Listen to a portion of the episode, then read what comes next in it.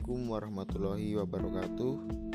Selamat pagi, selamat siang, dan selamat malam untuk teman-teman semua. Semoga tetap berada di keadaan dan kesehatan yang baik.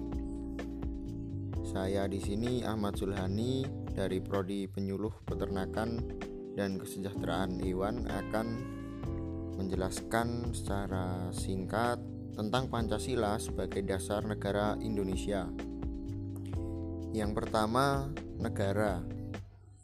Secara etimologi, negara dalam bahasa Jerman atau bahasa Belanda ditulis stat dan dalam bahasa Inggris disebut state yang berarti meletakkan dalam keadaan berdiri, menempatkan atau membuat berdiri.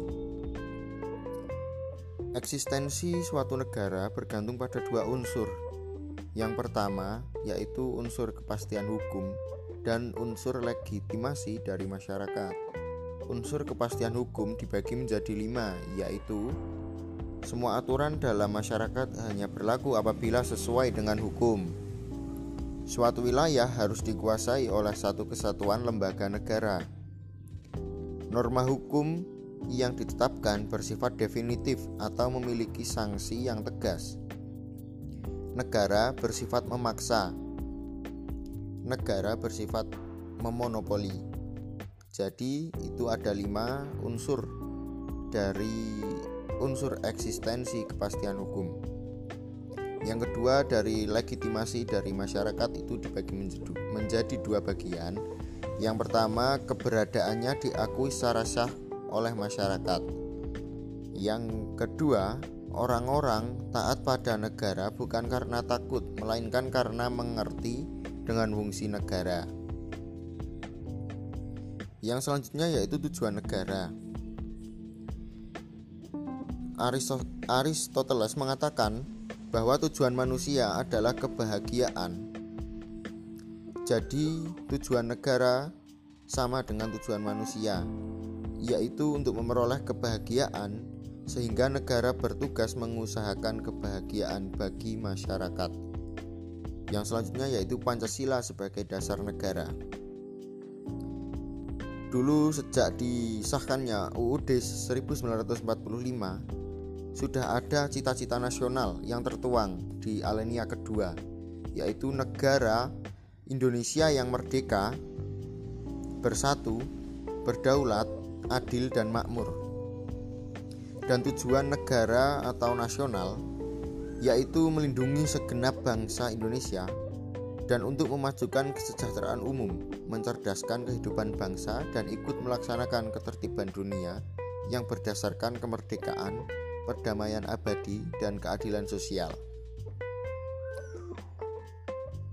Teori pertingkatan hukum menurut Profesor Hans Kelsen Pancasila berkedudukan sebagai Grundnorm atau norma dasar atau kaidah dasar.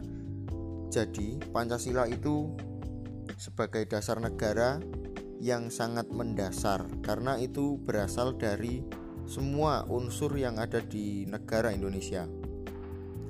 Dan yang kedua, UUD 1945 merupakan hukum tertinggi di dalam tatanan hukum nasional Indonesia. Yang selanjutnya adalah kapan negara Indonesia terbentuk? Ada yang bilang 17 Agustus, ada yang bilang 18 Agustus, ada yang bilang juga 28 Oktober. Mana yang lebih tepat? Sebelum itu, akan saya sampaikan beberapa unsur terbentuknya negara, yaitu yang pertama ada rakyat, yang kedua wilayah, yang ketiga pemerintah, dan yang keempat itu ada pengakuan dari negara lain. Jadi, negara Indonesia itu terbentuk tanggal 18 Agustus 1945 yang disahkan di dalam sidang PPKI yang pertama.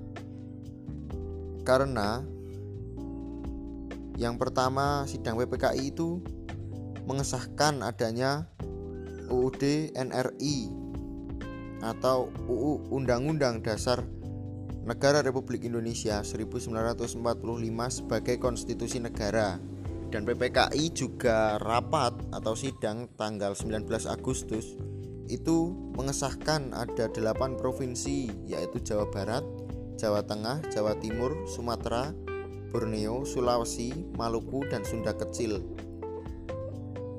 Yang ketiga, PPKI melakukan sidang tanggal 22 Agustus 1945.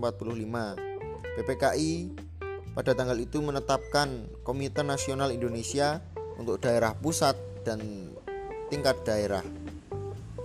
Tugasnya yaitu membantu presiden dalam menjalankan tugas-tugas legislatif selama MPR dan DPR terbentuk, serta tugas pertimbangan selama DPA belum terbentuk.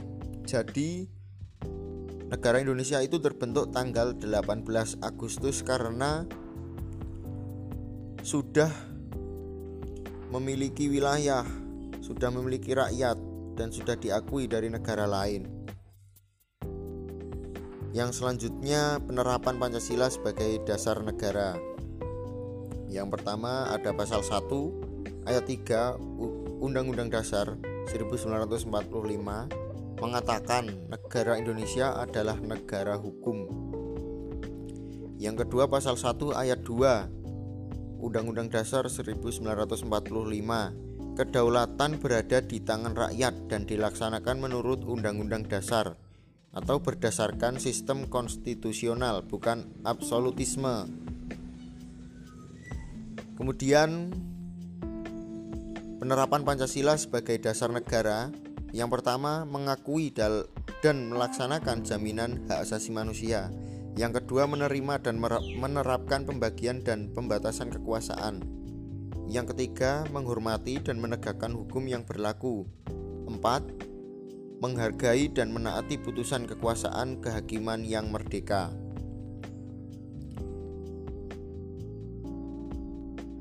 Kendala dan solusi. Yang pertama, peraturan yang dibuat tidak memperhatikan kepentingan rakyat yang bernilai keadilan atau filosofis sah oleh lembaga berwenang atau yuridis dan dapat diterima karena sesuai kebutuhan masyarakat atau sosiologis. Yang kedua, Peraturan dapat diterapkan apabila lembaga ada lembaga penyelenggaranya atau pemerintah tadi. Yang ketiga, peraturan ditegakkan secara profesional oleh para hakim yang terpilih. Empat, sarana dan prasarana harus memadai sehingga mendukung penegakan hukum. Yang kelima, pelaksanaan peraturan harus memperhatikan keragaman dalam masyarakat termasuk bahasa, budaya, agama, pendidikan, ekonomi dan kesadaran hukum. Yang keenam, keteladanan penyelenggara negara dalam penerapan Pancasila sebagai dasar negara.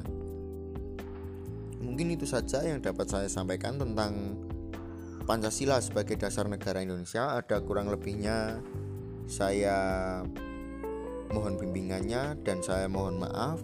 Sekian dari saya. Wassalamualaikum warahmatullahi wabarakatuh.